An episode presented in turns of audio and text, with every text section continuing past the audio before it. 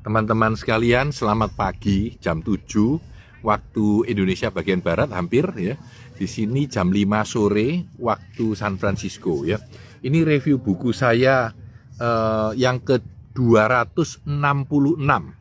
Ini adalah review buku saya yang ke 266. Judulnya The Five Second Rule. The Five Second Rule ya. The Five Second Rule. Jadi hukum 5 detik, hukum 5 detik. Jadi kalau teman-teman eh, pernah ikut beberapa seminar saya, saya sudah memakai cerita ini berpuluh-puluh kali di dalam seminar-seminar saya.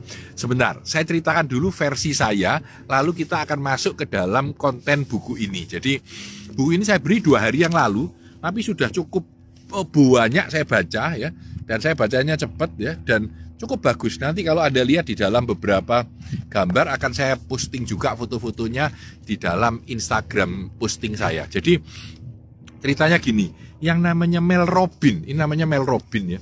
Ini dulu kerja di CNN. Waktu dia kerja di CNN, uh, eh, dia berhenti dari CNN, suaminya juga berhenti dari pekerjaannya dan uangnya diinvest untuk buka restoran. Nah, buka restoran itu satu bulan gagal, dua bulan gagal, tiga bulan gagal, ya sampai enam bulan dia gagal ya restorannya, wah duitnya habis, utang sama bank banyak, tiap hari bertengkar dengan suaminya ya, lalu mabuk-mabukan, minumnya minum uh, minuman keras, alkohol tiap hari, bahkan sudah hampir cerai katanya dan dia sumpek banget ya. Lalu apa yang terjadi pada suatu malam dia ketika tidurnya nyak mimpi. Apa yang diimpikan ada alien datang. Ini menurut versi cerita dia ya, bukan dari buku ini, dari versi ketika dia berbicara di uh, YouTube. Jadi membawa bedil gitu ya, orangnya hijau gitu. Dia bilang, "Mel, eh, apa kalau kamu tidak mau hidup dengan lebih baik lebih baik kamu mati aja gitu ya terus dia bilang kalau aku hitung sampai lima kalau kamu tidak mau bergerak aku tembak kamu. Mendingan kamu mati aja. Lalu dia bilang lima empat tiga dua satu. Dua kepalanya ditembak dua darahnya muncrat hijau gitu.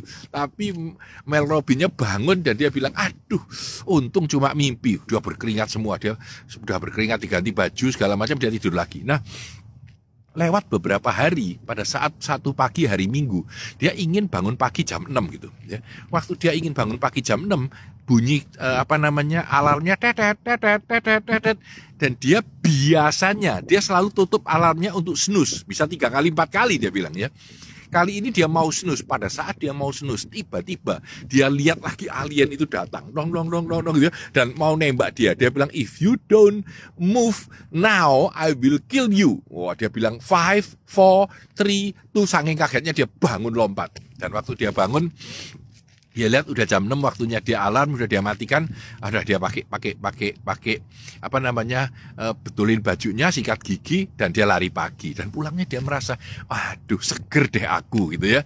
Dan ternyata dia mikir aku mau coba membayangkan alien deh kalau bisa menyuruh aku berdiri seperti ini. Dan konon setiap hari dia membayangkan alien. Dalam seminggu dia ternyata tiap pagi jam 6 sudah bangun.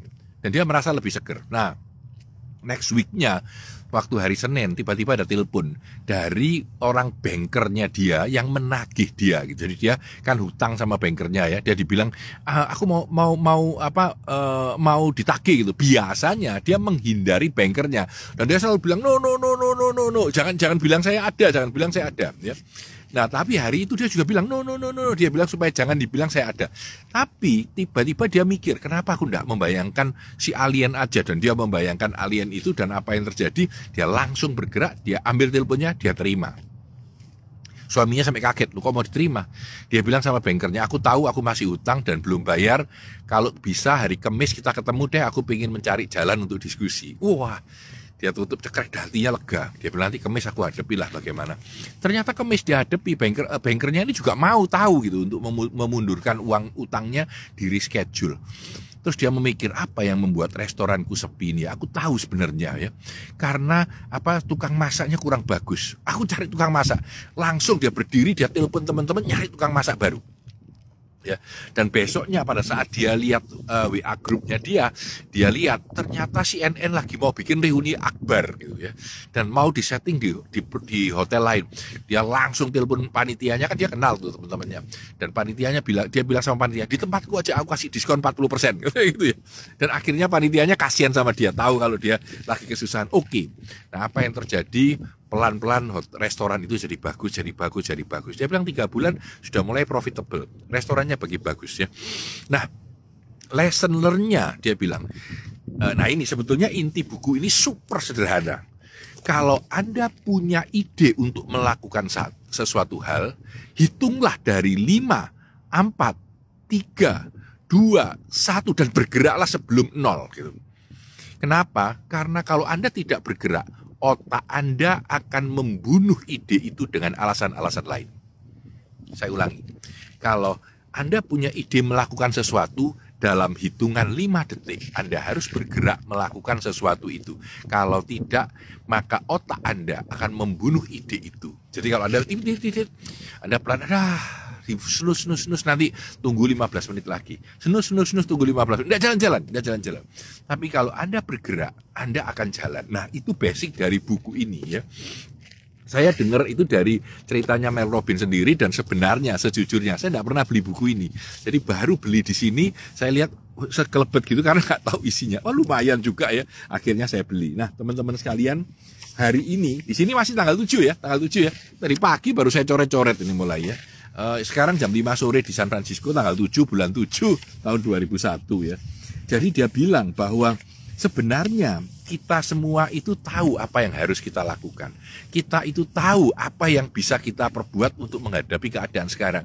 Cuma terlalu sering kita malas untuk melakukannya. Dan otak kita menggunakan alasan yang bermacam-macam untuk membela diri kita. Udah besok aja. Sekarang kan COVID, jangan dulu deh di rumah dulu dan segalanya dan segalanya. Nah, dia punya lima bab di sini saya sharing nanti lima bab ya. Jadi dia bilang yang pertama itu five second rule yang saya dari cerita kepada anda ya. Dari yang kedua ini menarik menurut saya. Dia bilang courage keberanian. Orang itu harus punya courage ya keberanian ya. Stepping outside your comfort zone itu courage menurut dia. Keluar dari zona nyaman kita ya. Definisi courage adalah the ability to do something that is difficult or scary. Kemampuan kita untuk melakukan sesuatu yang sulit atau menakutkan ya. Jadi kita harus berani melakukan itu, berada di luar zona nyaman kita ya.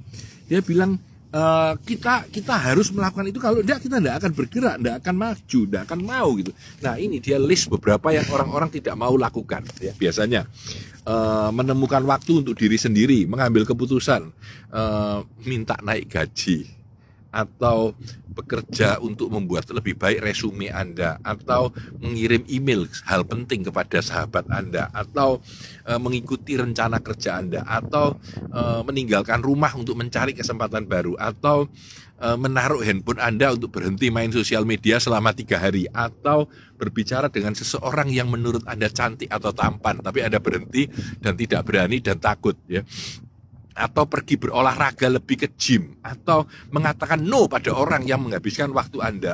Atau mengaku kalau Anda salah. Semua itu hard to do susah dilakukan. Butuh courage yang besar untuk melakukan itu ya.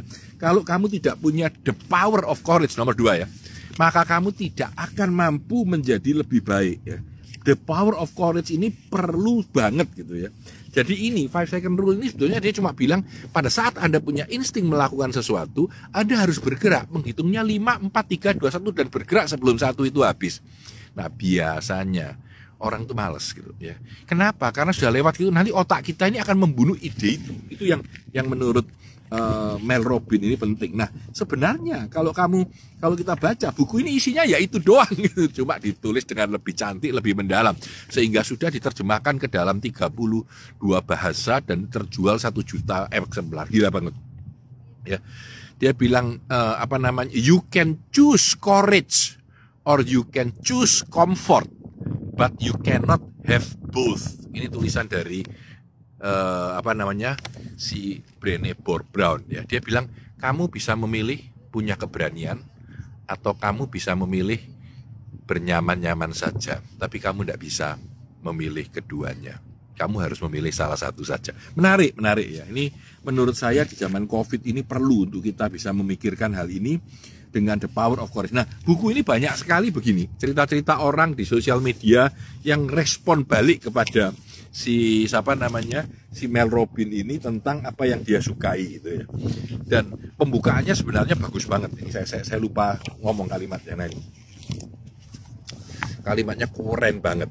Dia bilang kalau anda mencari seseorang yang bisa merubah hidup anda untuk menjadi lebih baik lihatlah di kaca anda sendiri jadi kalau anda mau lihat orang yang bertanggung jawab terhadap perubahan hidup Anda lihatlah di kaca, ya Anda sendiri. Itu pembukaan dari buku ini. Nah, there is only one you and there will never be another one. That is your power. Kekuatan Anda itu karena Anda tidak bisa ditiru orang lain, Anda punya kekuatan, Anda bisa hebat dan Anda harus memilih diri Anda sendiri. Nah, dia bilang bahwa nah ini menarik ya, menarik. Dia cerita bahwa sebenarnya uh, otak kita itu yang paling menggerakkan kita 95% itu karena otak kita ini uh, mempunyai emosi. Jadi bagian otak kalau rusak bagian emosinya orang tidak bisa mengambil keputusan. Orang mampu mengambil keputusan karena otak emosinya. Bahkan nanti malam aku mau makan apa ya? Udah beli tahu campur aja. Itu butuh otak emosi. Kalau kamu bilang oh enggak pak itu rasional. Karena jarak ke tempat e, tahu campur itu dekat. Tapi sebetulnya tidak. Otak emosi kita yang bilang aku ingin makan enak. Jadi kita butuh untuk sadar bahwa everything we do itu move from our emotion emosi kita untuk melakukan sesuatu. Jadi itu uh, rahasianya dia bilang gitu ya. Dan kita kalau kita memikirkan terlalu lama otak kita akan membela diri dan menyalahkan ya. Apa rencana kita? Misalkan misalkan. Waduh aku mau bikin deh laporan uh, mau apa namanya laporan ke bosku sudah lama nanti uh, aku harus bikin gitu. Waktu anda pikir aku mau bikin otak kita nanti dulu lah telepon teman dulu bikin urusan WA dulu. Itu yang akan jalan gitu. Ini yang yang berbahaya ya ini kalimat katanya should have seharusnya. Could have yang ingin kita lakukan. Would have apa yang harus sebetulnya itu nggak boleh harus kita lakukan segera. Dan kita sebenarnya cuma punya waktu 5 detik untuk melakukan itu ya. Kalau kita tidak melakukan itu kita tidak akan berdiri. Jadi gambar gampang kalau anda mau bangun dari tidur ya kalau nggak bisa terus-terusan. Jadi begitu waktunya bangun ya bangunlah. Bangunlah ya Uh, itu itu itu powernya menurut saya. Ini kita selalu bilang I'm too tired, I'm too cold, it's too hot, it's raining, it's too late. Coret semua. Yang penting let's go, jalan gitu. Ya, 5 detik, ya, syarat 5 detik. Cerita 5 detik ini uh, saya pernah berbagi banyak sekali di kantor ya dan kita pernah lakukan ya dan bahkan going extra mile judul yang saya pakai untuk seminar-seminar saya ya itu yang yang benar. Jadi going extra mile is never crowded. Jadi kalau anda mau melakukan lebih orang lain tidak mau anda akan jadi sendirian di sana ya. Jadi uh, dia bilang kalau kamu belum siap jangan bersiap-siap. Jalan dulu baru siap-siap. Itu saya seneng banget. Saya setuju banget ya. Jadi uh, apa namanya? Ada tulisan puisinya yang cukup bagus ya. Ini ada puisinya tulisan. Saya bacakan aja ya. Life is amazing and then it's awful. And then it's amazing again. And between the amazing and the awful it's ordinary and mundane and routine. Breathe in in the amazing. Hold on through the awful and relax and exhale during the ordinary. That's just living. Heartbreaking soul healing amazing awful ordinary life. It's breathing breathtakingly beautiful. Dia bilang kita tuh selalu menghadapi hidup yang indah, hidup yang jelek, hidup yang indah lagi, hidup yang biasa. Kalau bisa, ya kita menarik nafas pada saat terjadinya hal-hal yang jelek, ya. Lalu pada saat yang bagus kita nikmati, ya. Kita ini selalu punya hati yang patah, kita punya pencarian terhadap uh, jiwa kita.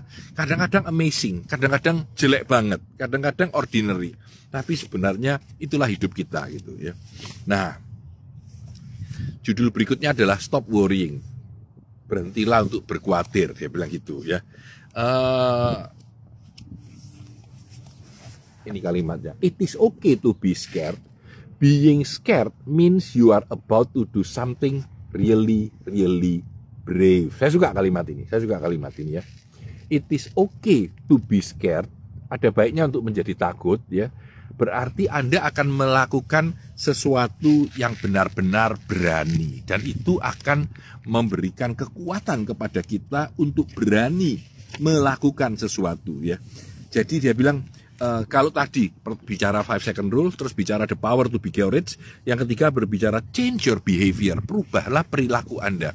It is hard to do, susah untuk dilakukan, tapi ya kita harus melakukannya dengan menggunakan the power of uh, five second rule ini ya. Courage, change your mind, keberanian Anda itu merubah otak Anda ya. Jadi kita akan otak kita akan berubah ya. Jadi kita akan merasa oke okay, kita jalan ya. Jadi nah ini dia bilang you are braver than you believe ya. Stronger than you seem and smarter than you think. Kamu itu sebetulnya lebih berani daripada yang kamu bayangkan lebih kuat daripada yang terlihat dan lebih cerdas daripada pikiranmu ya. When you master your mind anything is possible. Ketika Anda menguasai pikiran Anda segala hal dalam kehidupan itu dapat dilakukan ya. Lalu dia bilang Jangan katakan kepada orang-orang tentang mimpi Anda, tapi tunjukkan Anda sudah melakukannya. Keren, keren ya, keren banget dan menurut saya cocok banget dengan situasi yang tidak tidak enak ini ya. Sebetulnya simple, inti sederhananya buku ini cuma bilang apa sih? Kalau Anda ingin melakukan sesuatu dan Anda merasa ini penting, Anda jalankan. Dia bilang, saya itu tahu restoran saya itu salahnya apa. Saya tahu cara memperbaikannya. Cuma males, belum kita lakukan. Itu doang. Anda tahu Anda harus melakukan apa. Anda tahu Anda salahnya di mana. Anda tahu Anda melakukan apa. Tapi Anda harus tahu melakukannya ya. Nah, ini kalimat yang cantik banget ya. All our dreams can come true if we have the courage to pursue them, katanya Walt Disney ya katanya Walt Disney semua ini dikasih tanda digunting. Jadi sebenarnya kunci ini digunting karena belakangnya kosong ditempelin di kamar anda gitu ya. Semua mimpi anda itu nah di ruangan kerjanya orang ditulisi 54321 itu keren banget menurut saya. Jadi ini ya all our dreams can come true if we have the courage to pursue them katanya Walt Disney. Jadi kita harus punya courage untuk melakukannya ya. Nah uh, ini terakhir The five second rule itu isinya cuma sederhana. Pada saat Anda punya insting untuk melakukan sesuatu, maka secara fisik Anda harus bergerak atau otak Anda akan berhenti mengizinkan Anda untuk bergerak dengan segala teori dan alasannya. Nah, teman-teman sekalian, saya uh, selesai dengan cerita saya dan review buku saya, saya introduce tempat ini ini di Emeryville. Jadi kalau teman-teman lihat di belakang itu adalah ber, adalah San Francisco. Jadi yang kecil ada gedung-gedungnya itu itu San Francisco. Saya angkat dulu ya izin. Nah itu San Francisco. Jadi kita sedang berada di Emeryville di salah satu ujung Emeryville di mana kita bisa melihat sebelah sana pantai dan kalau saya putar dulu ya, saya putar ya. Di sebelah situ, di sebelah situ ada kapal-kapal keren ya. Itu ada perahu-perahu di belakang sana ada perahu-perahu kapal ya. Jadi ada kapal-kapal kapal-kapal banyak di sana. Jadi eh, buat orang kaya nggak disewain. Jadi ada mungkin ya ada yang disewain, saya nggak tahu jadi ada kapal-kapal dan tempat ini dipakai sebagai taman, sebagai taman. Orang-orang membawa anjingnya atau duduk-duduk ya. Ini tempatnya seperti ini. Jadi saya janji dengan beberapa teman untuk melakukan uh, book review sambil jalan-jalan melihat San Francisco ya. Saya berharap cukup menarik buat teman-teman sekalian. Nah, itu adalah lautnya dan itu adalah San Francisco. Jadi kalau Anda lihat, nah itu San Francisco ya uh, itu di sana kalau lihat jembatannya itu di seberang jembatan itu melewati sebuah pulau dulu lalu nyebrang lagi agak jauh baru baru kotanya. Tapi ini adalah pantai suasananya lebih tenang ya lebih tenang ya. Dan di sini banyak banyak mobil banyak orang dan ini public places. Jadi artinya kalau di Surabaya mungkin Taman Bungkul gitu ya atau lagi jalan-jalan di mana. Tapi inilah uh, Emeryville di San Francisco Emeryville di San Francisco ya jadi hari ini saya bawa tripod, bawa uh, air aqua dan membawa buku ini melakukan review di jalan ya The Five Second Rule by Mel Robin. Buku ini simple tapi banyak yang suka karena menurut saya very effective to do. Kalau Anda mau melakukan sesuatu ya, ayo pikirkan 5, 4, 3, 2, 1 go jalan gitu ya. Sudah langsung bergerak, entah telepon, entah nyatet, entah apa gitu ya. Kalau Anda bergerak, maka tanpa sadar otak Anda berhenti untuk melawan ide itu ya dan mengizinkan Anda untuk bergerak, untuk menjadi lebih baik, untuk mencapai sukses Anda. kira-kira begitu. Nah, kira kira-kira seperti itu inilah uh, review buku saya yang uh, maaf tadi agak kepagian karena di sini kedinginan. Ini kedinginan nih pakai jaket kedinginan ya. Baru baru apa namanya? baru shopping tadi. Jadi bawa, ini ini masih saya masih pakai di sini mungkin banyak kan orang nggak pakai saya lihat karena sudah di jalan ya. Tapi saya masih bisa pakai ini. Jadi kalau saya pakai ini ya uh, seperti ini. Nah, jadi ini review buku. Uh, saya tutup dengan memakai masker saya. Oke, saya Tanadi Santoso. Sukses selalu untuk Anda. Terima kasih semuanya.